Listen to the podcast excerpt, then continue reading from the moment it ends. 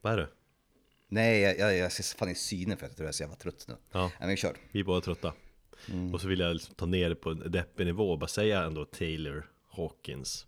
Vilken jävla fin kille. Grym trummis, grym sångare, härlig personlighet, men inte med oss längre. Men älskad. Oerhört trist. Det var faktiskt jävligt sorgligt. Han hade ett leende som jag gillade, hans, hans personlighet. Det är väl just det. Alltså liksom, han kanske inte var så här revolutionerande inom musiken. Jag menar, gjorde de något revolutionerande så egentligen liksom så här. Men just hans leende, hans allmänt härliga energi, det kändes som att det smittar av sig till alla i hela världen, i rockvärlden på något vis. Tragiskt. Vi lämnar döden och så pratar vi om krig och förödelse istället. Kör något med Foo Fighters nu som intro.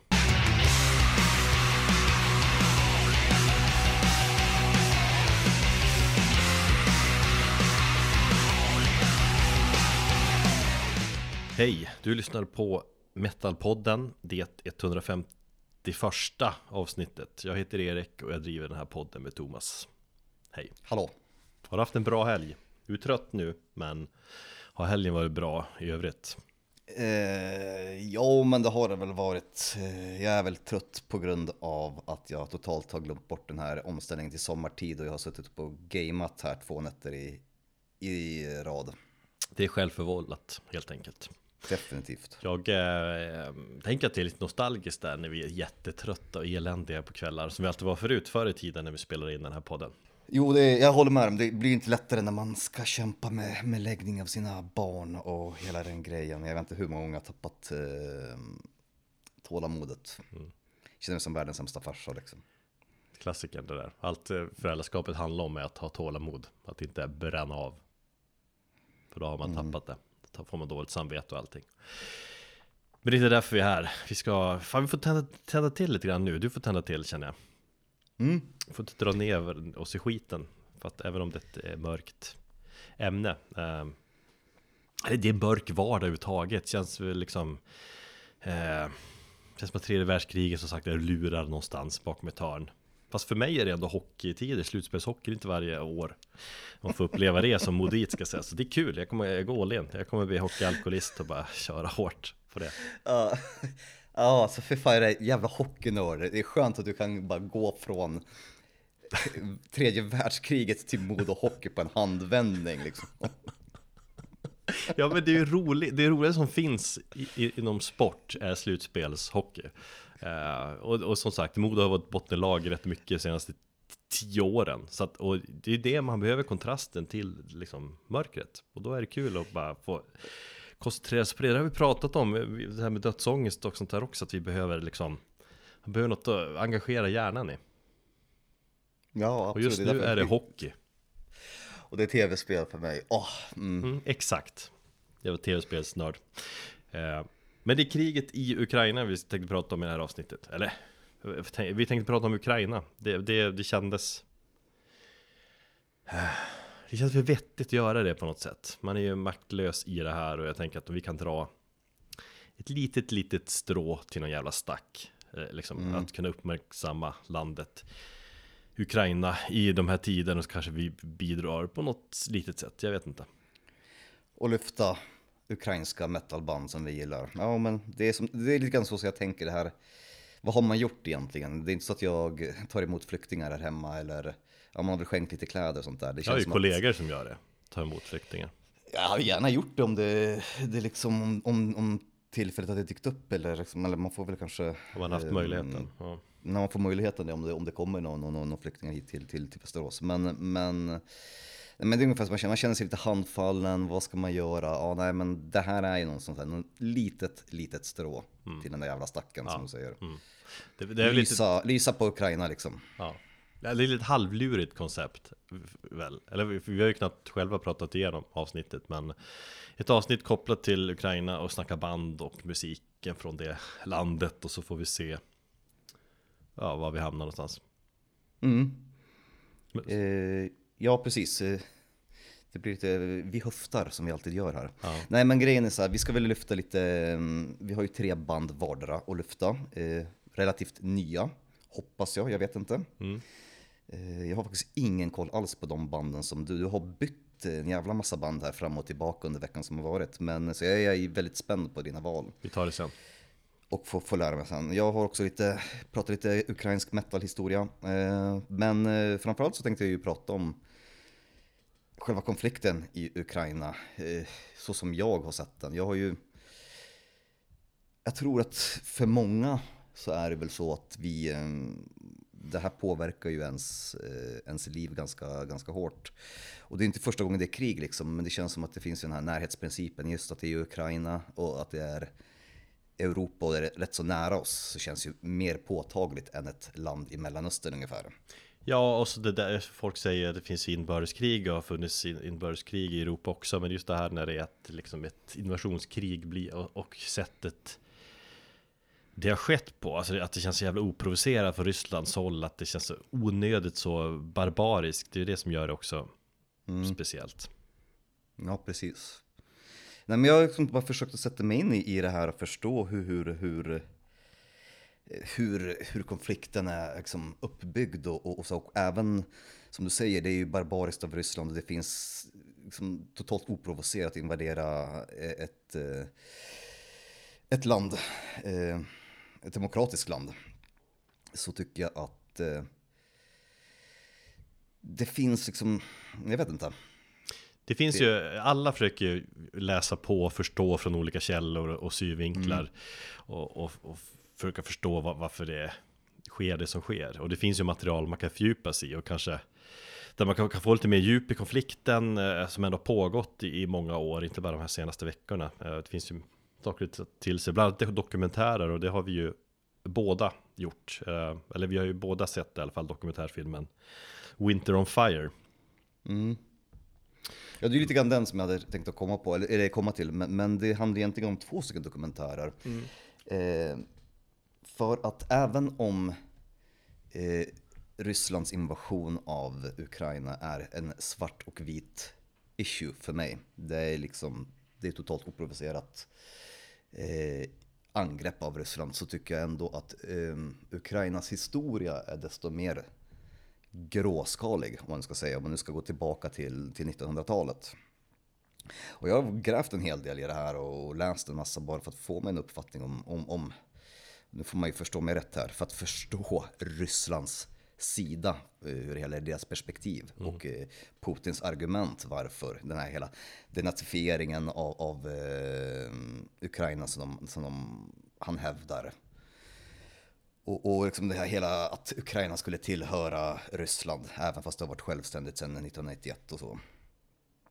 Och då har vi, vi har ju båda sett, liksom, har du sett den andra dokumentären också? Jag har bara sett Winter on Fire, jag har inte sett uh, Ukra Ukraine, eller Ukraina on Fire, vad heter den? Ukraine on Ukraine on Fire. Uh, men ska vi börja med Winter on Fire, i och med att vi har båda sett den? Mm. Det heter Winter Otroligt on Fire. förgripande. Ja, Ukraines fight for freedom. Det är en film som följer eh, revolutionen eller händelserna i Ukraina 2013. Mm. Där kring 2013 när folket eh, protesterar mot den sittande presidenten. Här är Viktor Janukovic, eller vad han heter. Eh, Just det. Otrolig film. Eh, det var ju väldigt utdragna protester, väldigt blodiga sådana som pågick i månader innan han avsattes.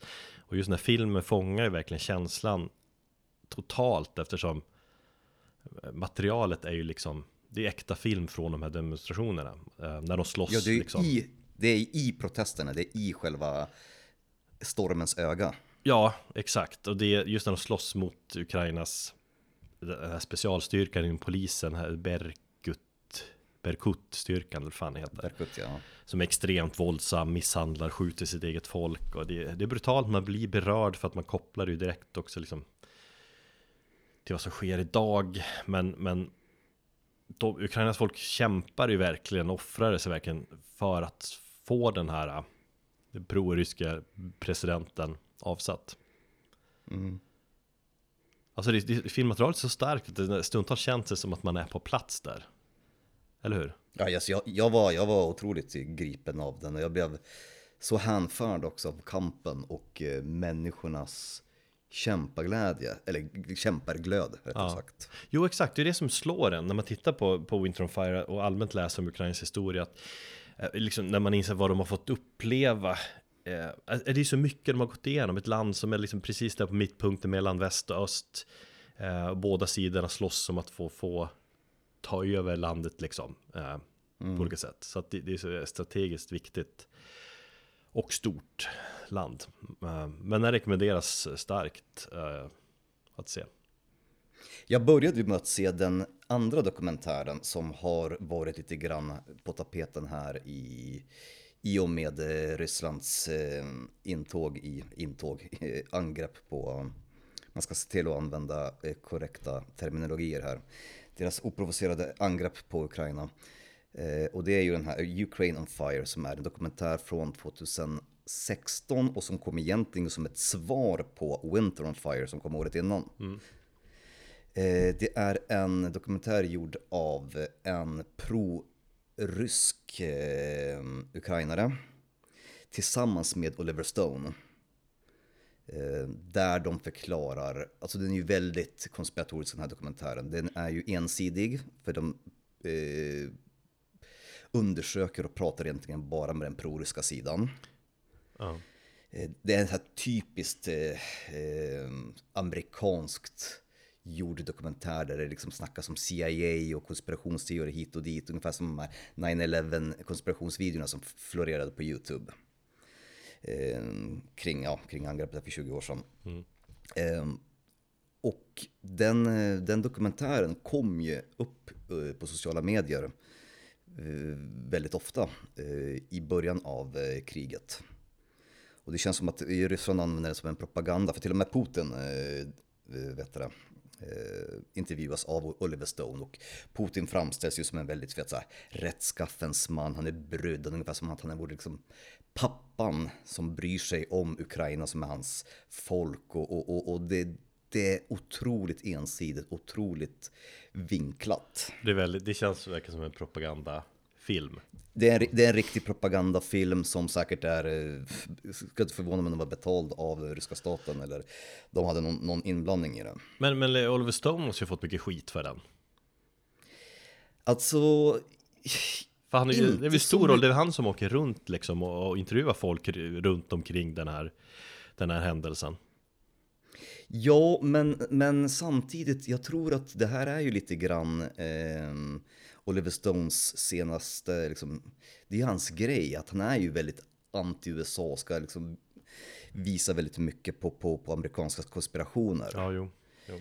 Eh, han har ju gjort dokumentärfilmer om du vet, Vietnamkriget, hur, hur liksom från, en, från en vänster, om vi säger ett vänsterperspektiv. Här så känns det ju som att han på något sätt har fått något, eh, han har blivit betald för att göra den här filmen, jag, jag vet inte. Mm.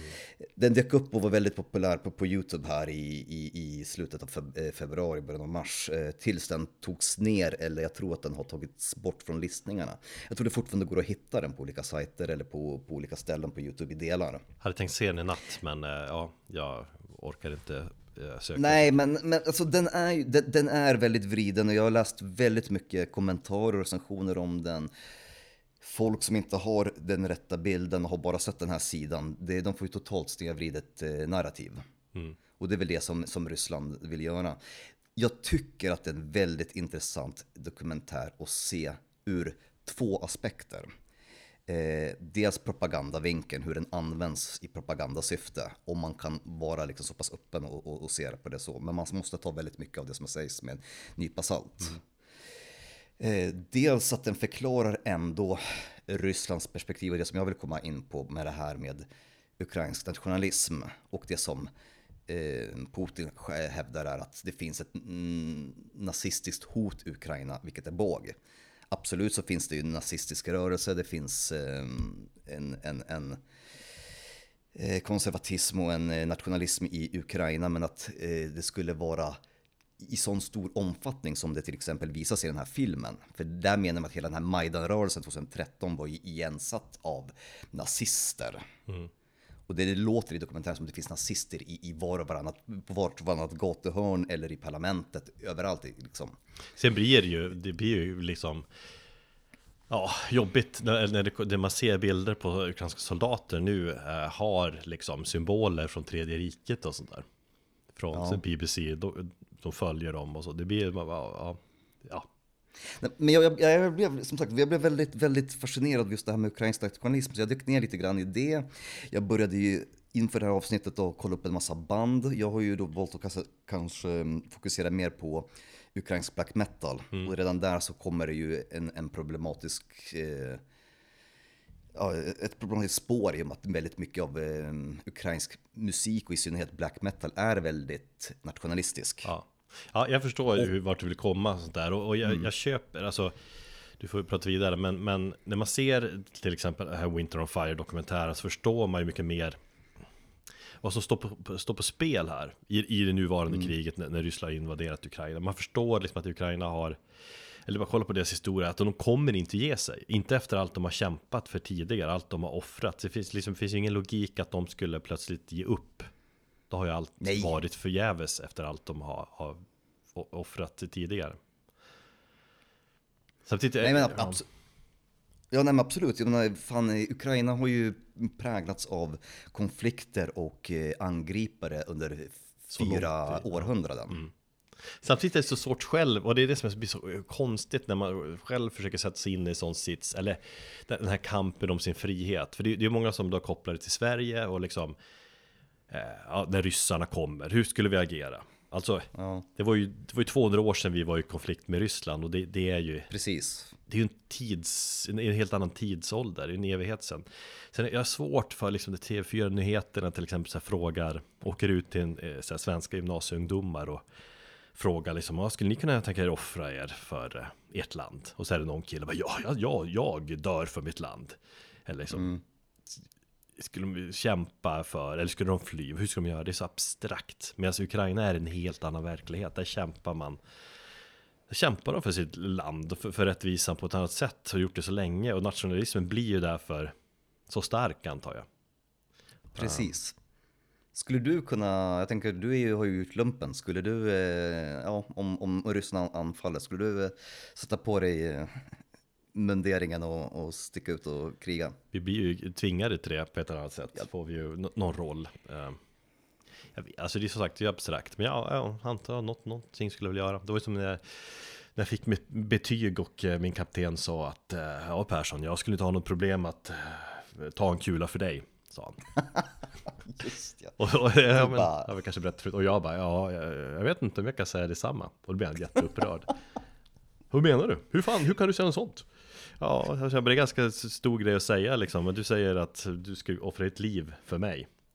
Eh, Ja, det är ju självklart. Så. Men, eh, ja, Jag hade fan inte tagit en kula för dig heller. du hade tagit Men, i eh, pungen. Ja, nej men, nej, men så, som, som, som du säger, det, är, det, finns en, det, finns en, det finns en nationell tillhörighet i, som är betydligt större i Ukraina därför att där har man, eller överhuvudtaget i slaviska länder, för där har man alltid haft angripare och man har alltid varit i någon form av kampställning och, och, och slagits mer eller mindre hela sitt liv. Det är ju länder som har varit korrupta, det är länder som har inte haft någon demokrati.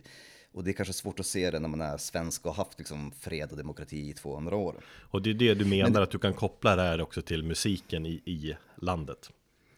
Precis, och det, det, det, blir en, det blir en balansgång för att jag menar, det finns ju en hel del eh, kända eh, ukrainska band eh, och det, finns, det har varit en hel del diskussion om många av de här banden. Jag tänker främst på, på band som Drutk, eh, Hate Forest, Nocturnal Mortum, stora eh, black metal-band från Ukraina. Där nationalismen är så pass påtaglig i deras musik. Det de har anklagats för att vara liksom NSBM. Det har... Och liksom, det är konstant en diskussion i, i, om vad som vissa menar på att de inte är det, de är bara starkt nationalistiska. Jag menar på att det är otroligt mycket kopplingar till nazistisk ideologi som jag tycker är svårt att förklara bort. Ta ett band som Drutk till exempel, där eh, Roman Sevenko, eller vad han heter nu, eh, har spelat i Hate Force, ett, ett band som eh, har haft en tydligare koppling till en NSBM-rörelse. De har liksom bilder där de står och spelar med en svastika i bakgrunden. Eh, eller de har svastika på armen. Men de existerar igen om jag har förstått det rätt. Hate Forest. Eh, Ja, de lades, nej men de lades ner. Jag vet inte om de har återuppstått. Jo, jag, jag, som jag fattat, eller om jag bara såg det så här Metal Archives att de har återuppstått typ förra året eller sånt där och fortsätter. Det vet inte om han är med eller hur det ser ut, men som jag, som jag förstod det så kör de igen. Okej, Jag ja, det har jag så, det har jag så fall missat. Men, men när han la ner bandet så startade han ju Drutk och, och det var ju mer eller mindre samma band fast med kanske lite annan, eh, annan inriktning i musiken och att det var lite mer ap apolitiskt. Mm. eh, Är, det som Men Druk Eh, är ju, tanken alltså det, det får man ju ändå säga, det är ett av Ukrains största band. Det är ju liksom inget Ja. underground. Eh, sen är det ju också, de flesta har ju, i väst i alla fall om man säger så, har ju inställning att det är ett ett liksom nasseband mer eller mindre liksom, eller att det, Mm. finns tydliga kopplingar för det, finns- de, de har ju plockats bort från liksom recensionssajter till exempel av det det står tydligt Mm. att där vi har, det är kopplingar till NSB så att de här pratar inte om, de är ju allmänt liksom ganska cancellade på många, på många ställen.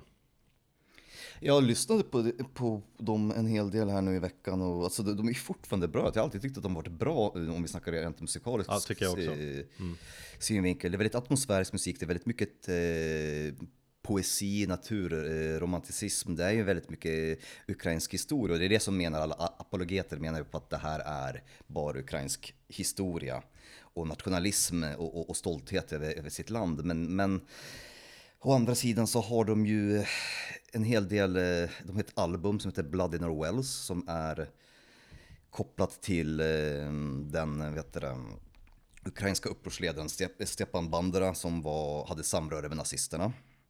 Han ses ju som att vara en stor ukrainsk hjälte, han är till och med liksom han eh, kröntes ju, eller officiell, gjordes till någon form av, eh, nationell, officiellt till en nationell hjälte 2010 innan jag tror att de tog tillbaka den, den utmärkelsen.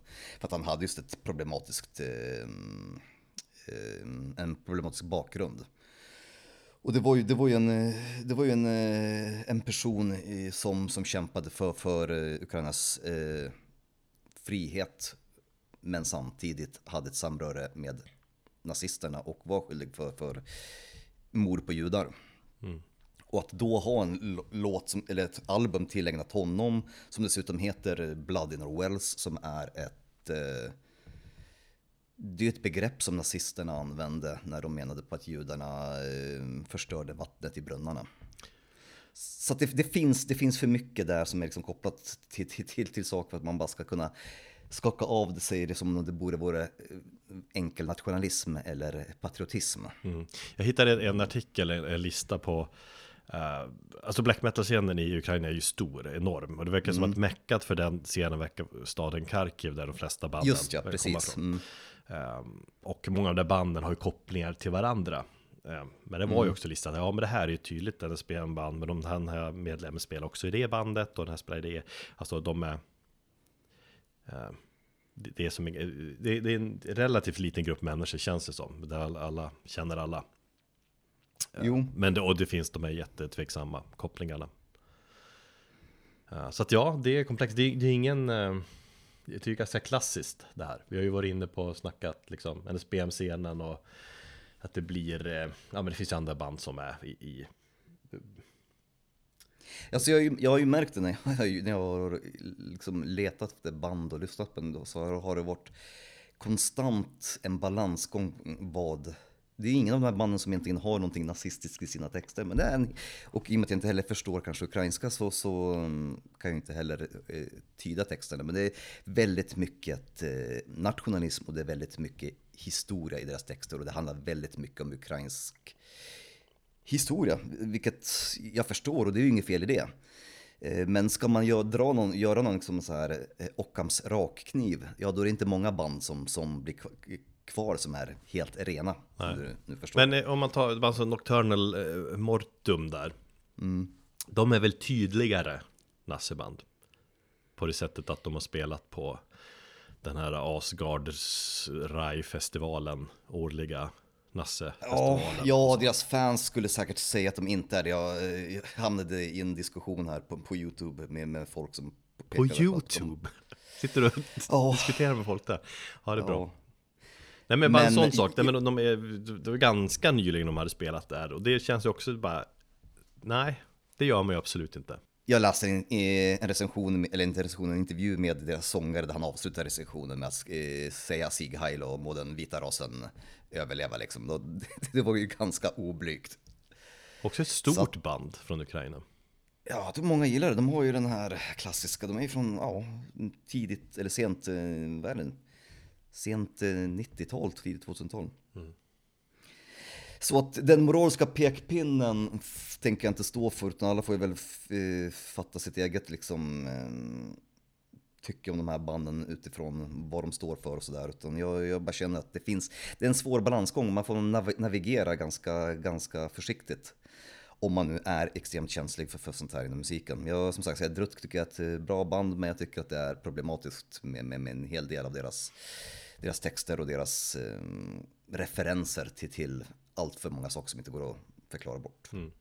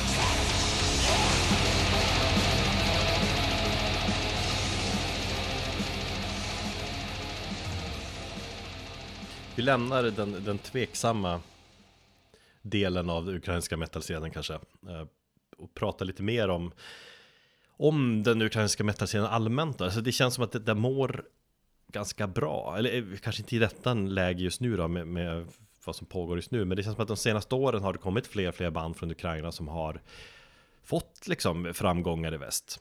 Eller man, mm. det känns som att man har hört talas om, om fler och fler band. Man känner till en del band från, från Ukraina.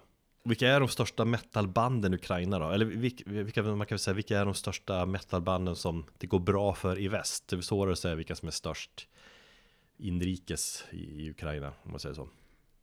Ja men det största kan vi väl ändå på någonstans enas om att det skulle vara Ginger, eller Ginger, eller jag vet inte hur det uttalas. Ginger, ja. Ginger. Jo, nej men det är väl så. Det är väl alltså, det känns som att det är det bandet som det har pratats om mest senaste året. Mest mest kommersiellt gångbara tror jag också. Ja, jo, Eller? ja kanske. Alltså, de, de, jag menar, de spelar i stora festivaler, de är delat scen som man säger liksom med eh, många stora band och det går ju allmänt jättebra för dem. Man, bara man kollar liksom så här streamingsiffror och sånt så känns det wow, fan vad många, många lyssningar de har. Och de ligger på Napalm Records tror jag.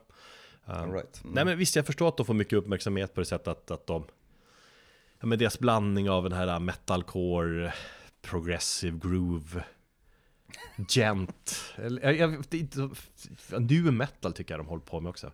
Uh, och det gör väl att folk fascineras av dem. Uh, men fan, de, jag tycker de är spretiga också. Jag har lyssnat på dem ibland och jag... Alltså, jag har inte hört dem. Nej, inte alls. Men jag tycker det är förfärligt ändå. ja. Men vadå, du har inte hört dem alls? Jag kan ha hört, alltså, jag, jag kan lova, så här, jag har ju inte hört en hel låt, jag kan ha hört något, något kort stycke någonstans, någon har spelat någon, någon gång. Men, men jag har liksom aldrig lyssnat på dem. Eh, men bara, bara av man får, vet, man får bara en, en uppfattning om ett band när man hör det och när man ser dem och så vet man att de spelar exakt den här typen av musik och det är jag inte intresserad av. Och nu när du beskriver det, mm. det var bara, ja. Ja, fast jag, jag kan ju beskriva det bara sådär, och jag beskriver det så spretigt men, men Alltså, de är ju lite såhär YouTube-favoriter. Eh, folk sitter och, och lägger upp vid när de sitter och räknar på deras udda taktarter och så. Eh, right. De, har, de har en kvinnlig frontperson person som kan Alltså verkligen variera sin pipa på ett fascinerande sätt eh, mm. Och hon är grym liksom, ser, ser jättebra ut och, och så här och Instrumentalisterna, om man säger så, de är ju grymma som fan eh, mm. Stut, åtta strängad bas och, och så det är Tekniskt jätteduktiga eh, och jag kan gilla någon låt här och där eller parti här och där men i, men i längden och som helhet vet du fan alltså det är just det är verkligen spretigt på ett negativt sätt. Jag får inte någon feeling för låtarna riktigt. Det är det, är det klassiska teknik mot känsla tänket. Jag hör inte att låtarna finns där. Jag blir så förvånad över det du säger, för du är alltid inne på att vi ska hylla band, här sitter och pratar ner. Jo, band. men jag tycker att... Fan vad härligt, jag, jag förstår inte riktigt uh, Gingers storhet. Nej, jag vet att många gör det, du och jag är väl inget stort fan av dem. Med det sagt så är de ju, alltså som sagt de är jävligt stora så hade det varit kul att se dem live ändå. De spelar ju på Getaway i sommar, kanske. Det beroende på. Gör de det? De är med, eh, bokade i alla fall. Okej, okay, ja, men då vet jag att jag, då har jag i alla fall tid att dricka öl under den tiden. Mm, så det är ju frågan om de ens kan spela. Alltså, de, de är ju, kommer från Donetsk, om vi ska liksom bli politiska, östra Ukraina, en av de här uh, utbrytar uh, regi regionerna. Eh, de har skrivit ganska mycket på sociala medier just att de, de är i säkerhet och, de försöker med sin, med sin stora fanbase att liksom uppmana till hjälp, få folk medvetna om vad som pågår och så har de ställt in hela sin USA-turné som de skulle haft nu här under våren också för att ja, men hjälpa sitt land. Det är det som är så jävla sjukt. Ehm, men ja, ja. och absolut när med, med att de har många fans och så, så kan ju globalt de, de göra liksom nytta för just att folk får veta vad som, vad som händer. Eh, White War då 1914 är ju också band som har försökt att uppmärksamma konflikten väldigt mycket via, via sociala medier. Jag antar att det är så man gör idag. Det är första gången vi är med om ett krig som också utspelar sig på sociala medier. Mm, ja, det känns som så, som är så nära oss, exakt. Mm. Eh, och just White War som jag jag skulle vilja nämna dem igen verkligen. De är från Odessa, tror jag.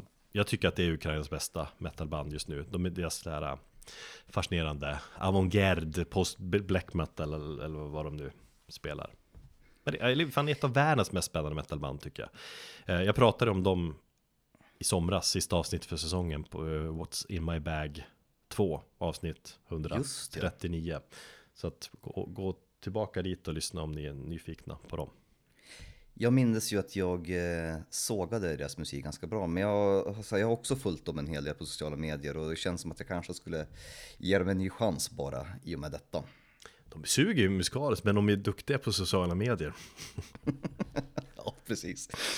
1914 är ett band som jag, också du som har koll på i vilka avsnitt man, vi har sagt vad. När pratar vi om 1914? I avsnitt 93, avsnittsnamnet heter Eld och stålverk, krig och blodskam.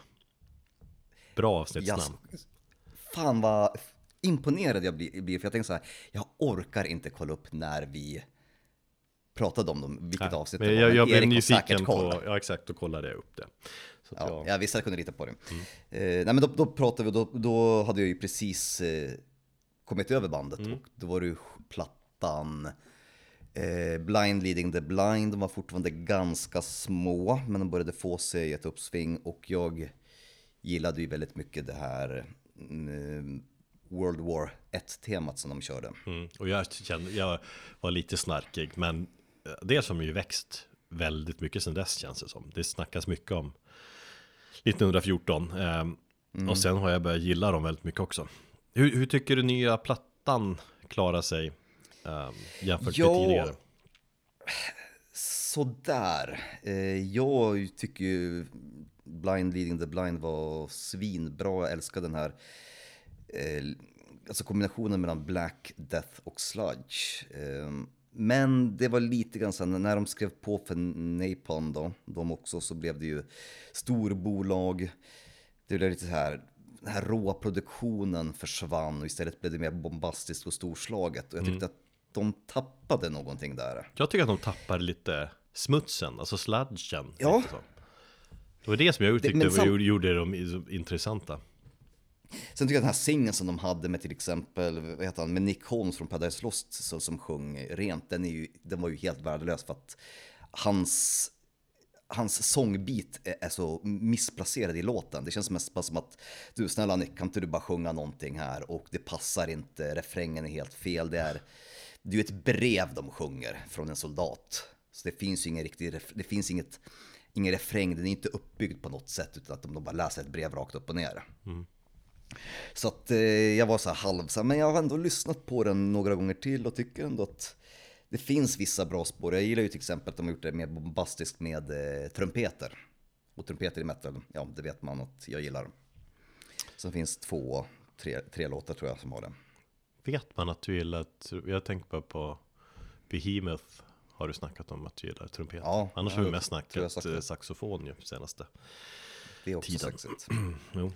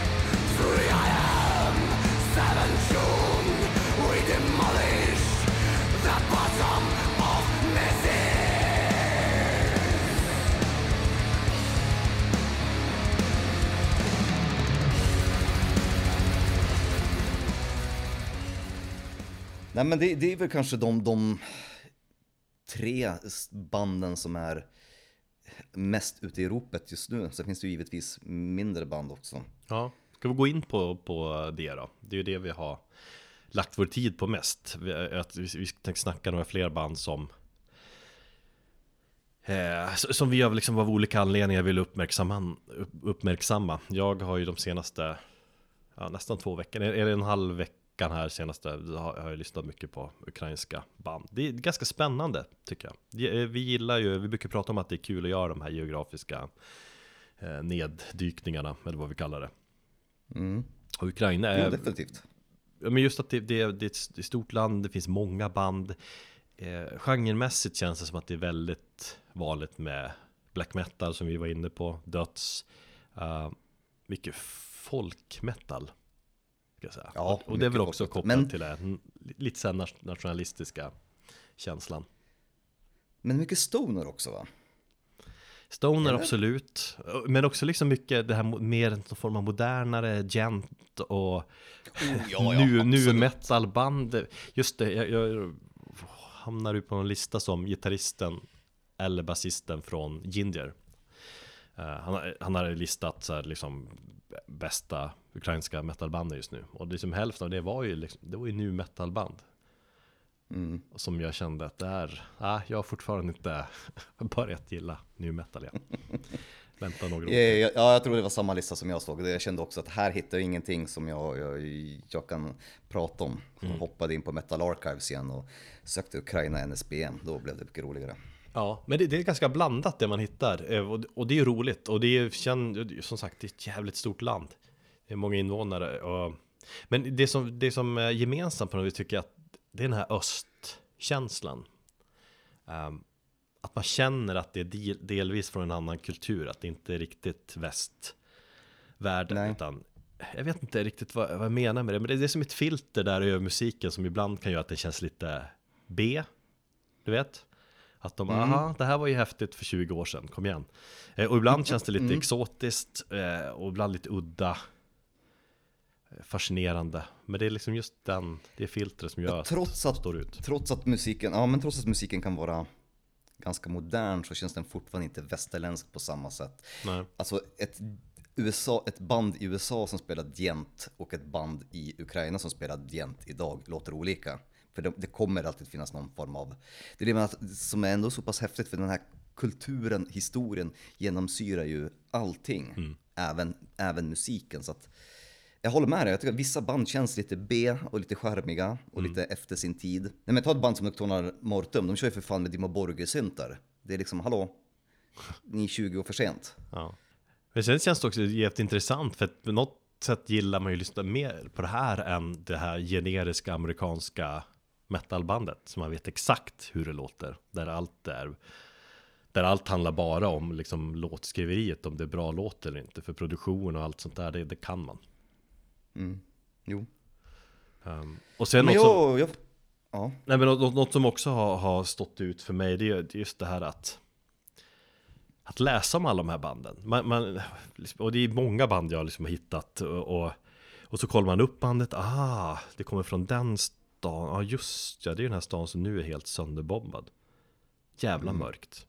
Och så bör, har man också insett att jag, fan, jag börjar bli kung på Ukrainas geografi. Jag hade fått liksom MVG om jag skulle sätta ut städerna på kartan. Och det är så sjukt. Jaha. Nej, men just när man går in på alla, alla Instagram-konton och så man ser hur fucked up det är. Ja, de här banden skulle ut på turné. Men nu, nu försöker de bara överleva. de samlar pengar till försvaret, till vapen. För att överleva som stat. Eller bara få mat. Alltså, vi är så nära dem men ändå inte. Och det, just det här med sociala medier gör det så himla konstigt. Tycker jag. Det är fucked up. Det är fucked up. Jag eh, tycker att vi börjar med lite eh, ukrainsk thrash-historia. Vi börjar från början, som vi brukar säga. Ja, och då börjar vi med bandet Adem som bildades i Sovjetunionen eh, 1985. Eh, och bara det, bara det grejen att ett thrashband bildades under en kommunisttid i Sovjetunionen tycker jag låter ballt. Och den där fick ett jäkligt så här, wow, det här, det här måste jag lyssna på. Eh, det väl inte så jättemycket som är känt om bandet. De la ju ner 1997. De släppte två stycken album under 80-talet.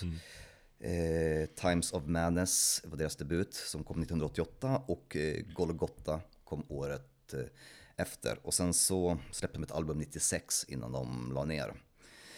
Eh, och de spelar väl, ja, så, när du säger det här med eh, Ukraina och det här B-känslan så är det ju verkligen det jag får när jag lyssnar på Adem. Det är ju inte Bay Area Thrash eller den nivån. Nej. Men det är fortfarande sjukt bra för vad det är och det är otroligt charmigt. Ja, jag tycker att det är, alltså, fränt vill jag säga. Ja men fränt, ja. Ja. Det, det är liksom... Jag tänkte när, när Slayer liksom höll på eh, och Metallica harvade på liksom 85 i ett demokratiskt land och sen så har du Sovjet 85 och ett band spelar thrash metal. Men hur, hur många möjligheter fanns det att spela live? Eller ens överhuvudtaget släppa ett album då? Nej men exakt, och det är det vi har varit inne på tidigare också i andra avsnitt Att det, det fanns ju knappt någon musik från öst För att det var liksom mer eller mindre förbjudet, det var ingen som höll på Eh, Och det är därför de här Mm. Ja men USA och England eh, var först med allting Påminner en hel del i, i sin thrash om Metallica. Jag tänker på jag tänker på i, i synnerhet en låt, eh, nu kommer jag inte på namnet på den, men den lät väldigt så här ehm, Orion-inspirerad.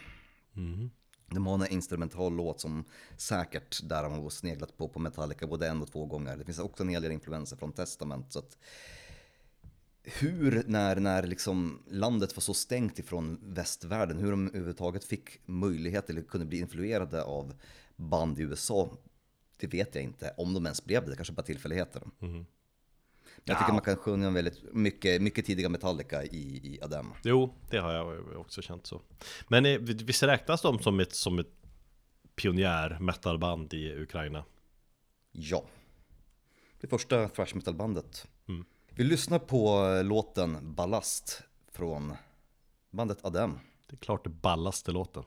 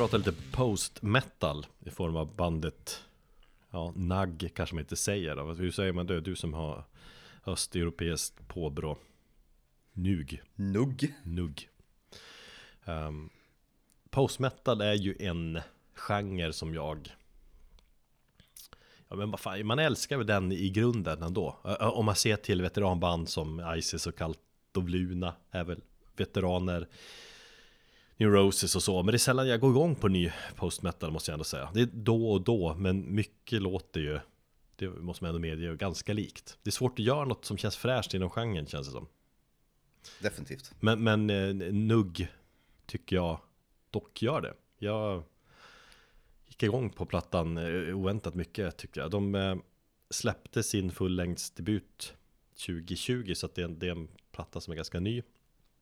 En platta som jag verkligen gillar. Eh, jag vet inte om de som bryter liksom så ny mark Men de, de gör lite av sin egen grej. Det är någon form av post metal Men de blandar också in lite progressive metal. Mm. och Sen kanske att det är någonting med att de är Ja men just det här eh, östeuropeiska filtret som gör att, att de är unga. Eh, Det är någonting som gör att den här debuten känns fräsch liksom. Hur unga är de? Ja men Jag har sett bilder, de känns i 20, 20, runt 20 kanske. Gissar jag. All right. Eh, Nej men just eh, post metal det blir ofta ganska så här rätt Entonigt och tradigt på något sätt Men, men Nugg tycker jag bjuder på mer djup. De är Det blir mer färg eller vad man ska säga Åt liksom musiken. Det är tunga riff och det är coola basgångar har de Och det är keyboards och de. Ett bra Johannes Persson liknande vrål också Ser att de ligger på Willowtip Records, så det är ju ändå ett eh, amerikanskt bolag som plockat upp dem, som ändå haft eh, en hel del eh, bra band genom åren. mm. Så Ja men de är jätteintressanta Mm. Ehm, Så ja, de rekommenderas Vi lyssnar lite grann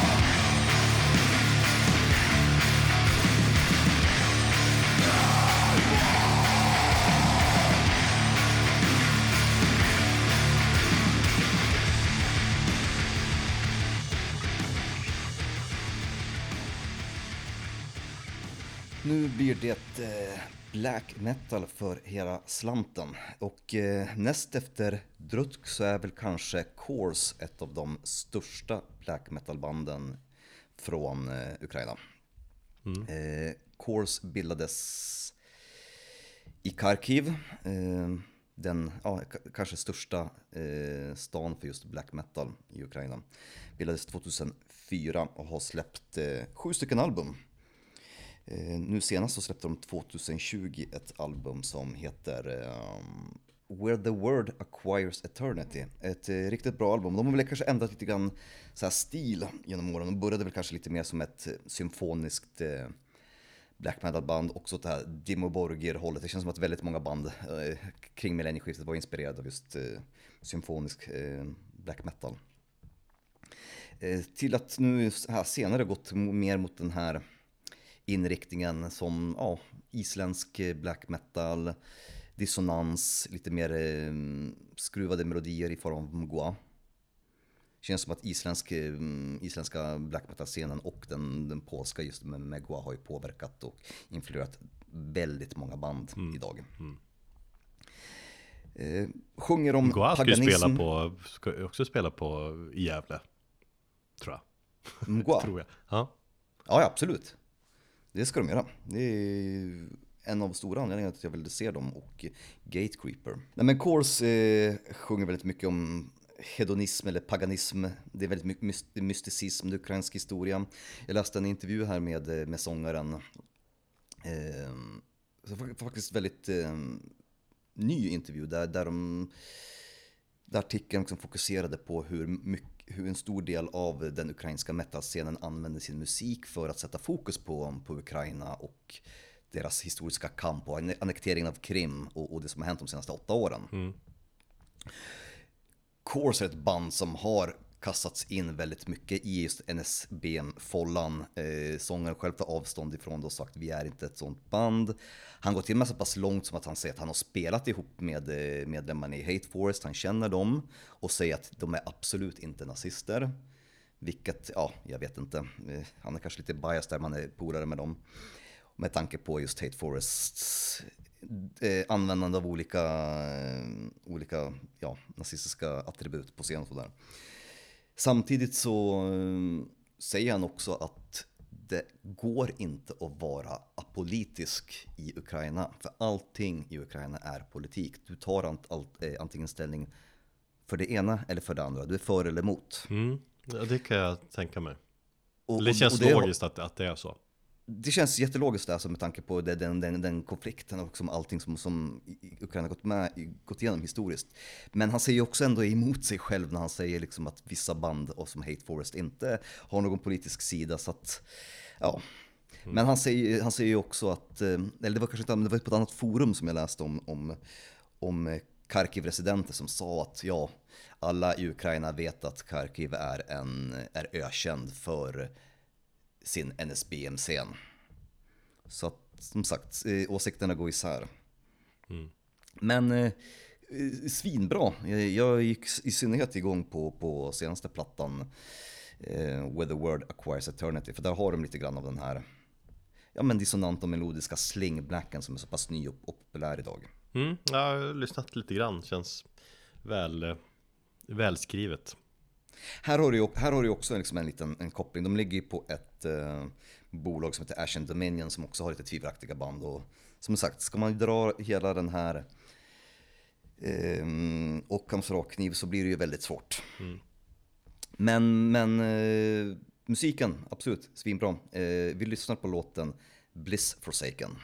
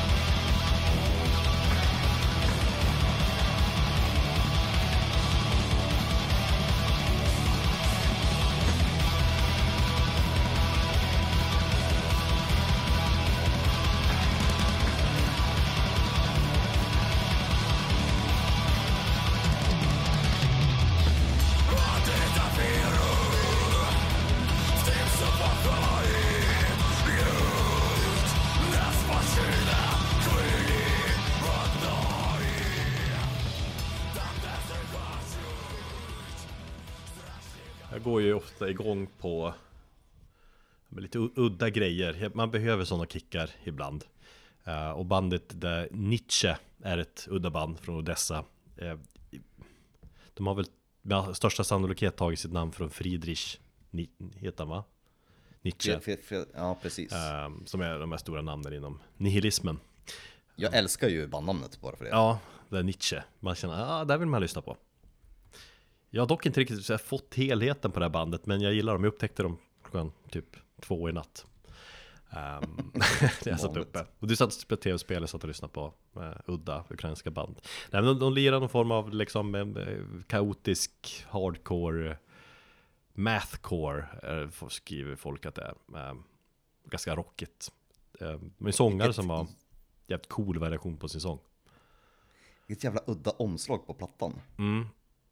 Eh, och i alla fall i början av sin, sin karriär så, så gjorde de en grej av att de har tagit liksom texter från kända poeter Mm. och har tonsatt det då. Och det är allmänt liksom, galet, udda, varierande. Ehm, men jag går igång på det och det är liksom det som, som räknas. De har ett jävligt skärmigt Instagramkonto också som mest Uh, mest verkar bestå av bilder på deras gitarrist på udda ställen, udda positioner. Där har han däckat typ, och tar vi en bild på han. Alltså, det är bara han som är med. Men det är kul. Okej.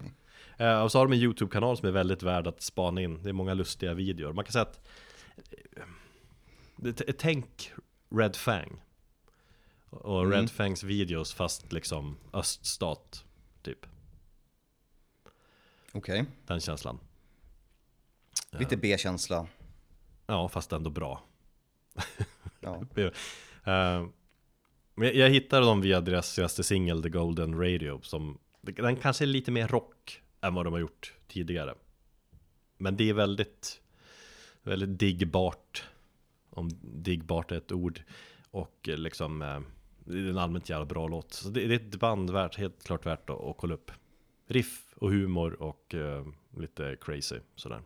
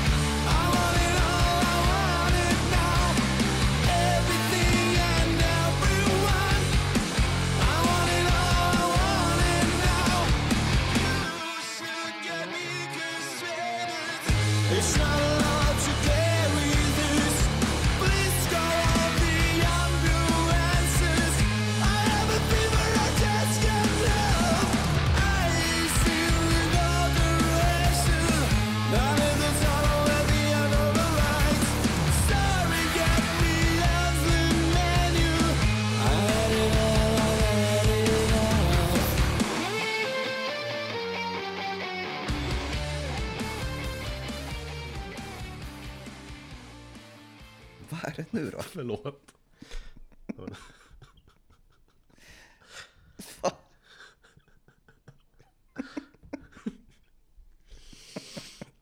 Jag är skitpissnödig. Jag kommer jag är, förlåt. Ja, men vi är trötta. Ja. Får jag- Kan jag ta om det? Nej. Kör. Man behöver inte klippa allt. Det är väl kul med lite skratt. Bästa bandet tycker jag det här är av dina tre. Grave Circles alltså. Mm. Det är, ja, det är det bästa bandet. Eh, ja, det, det kanske det är. Bildat 2016 i Venezia. med reservation på uttal där.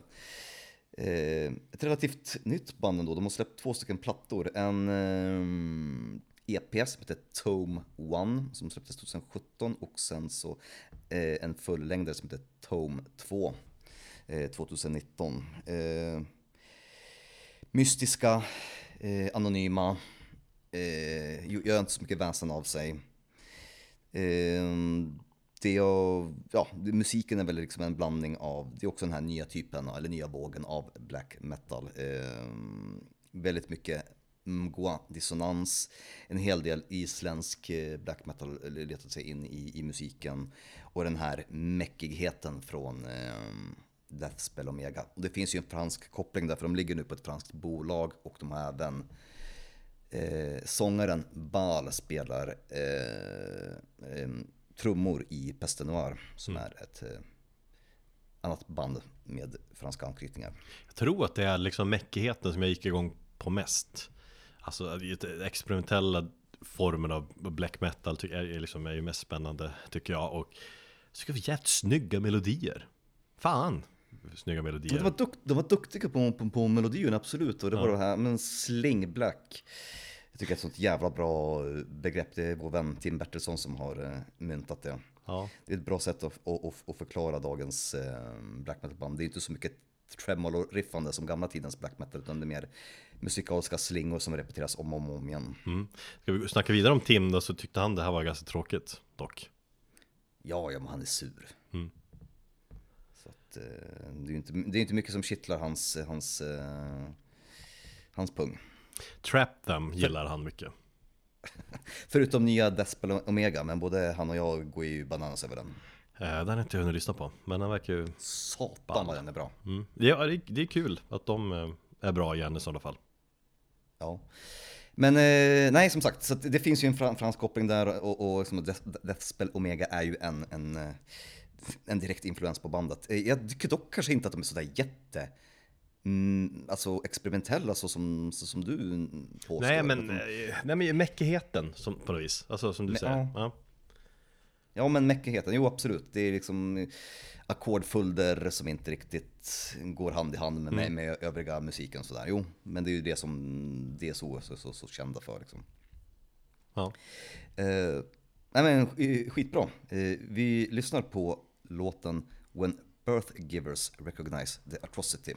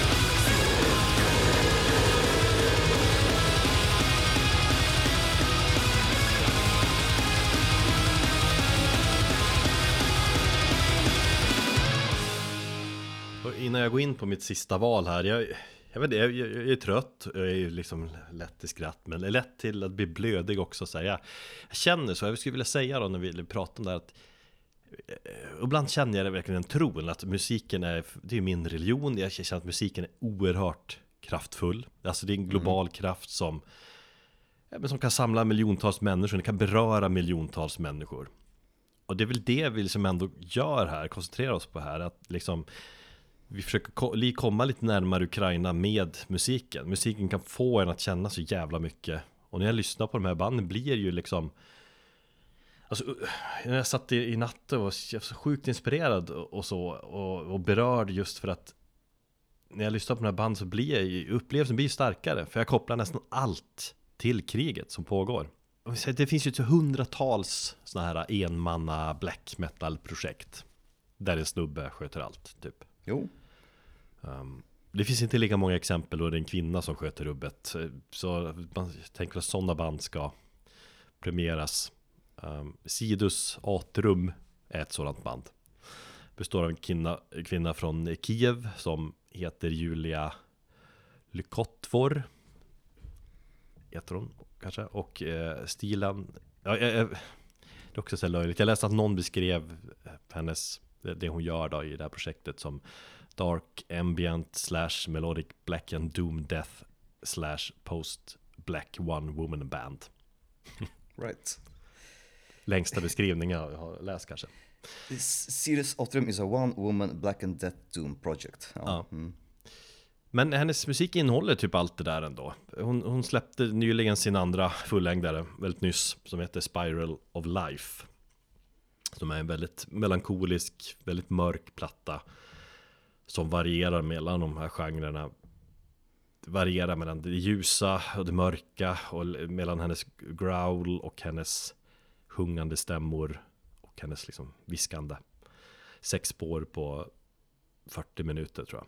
Just hennes growl är, den skaver lite. Den är lite, man lyssnar på, ah, sådär. Men det är det jag gillar. Att den skaver. Det blir mer liksom, det blir mer äkta.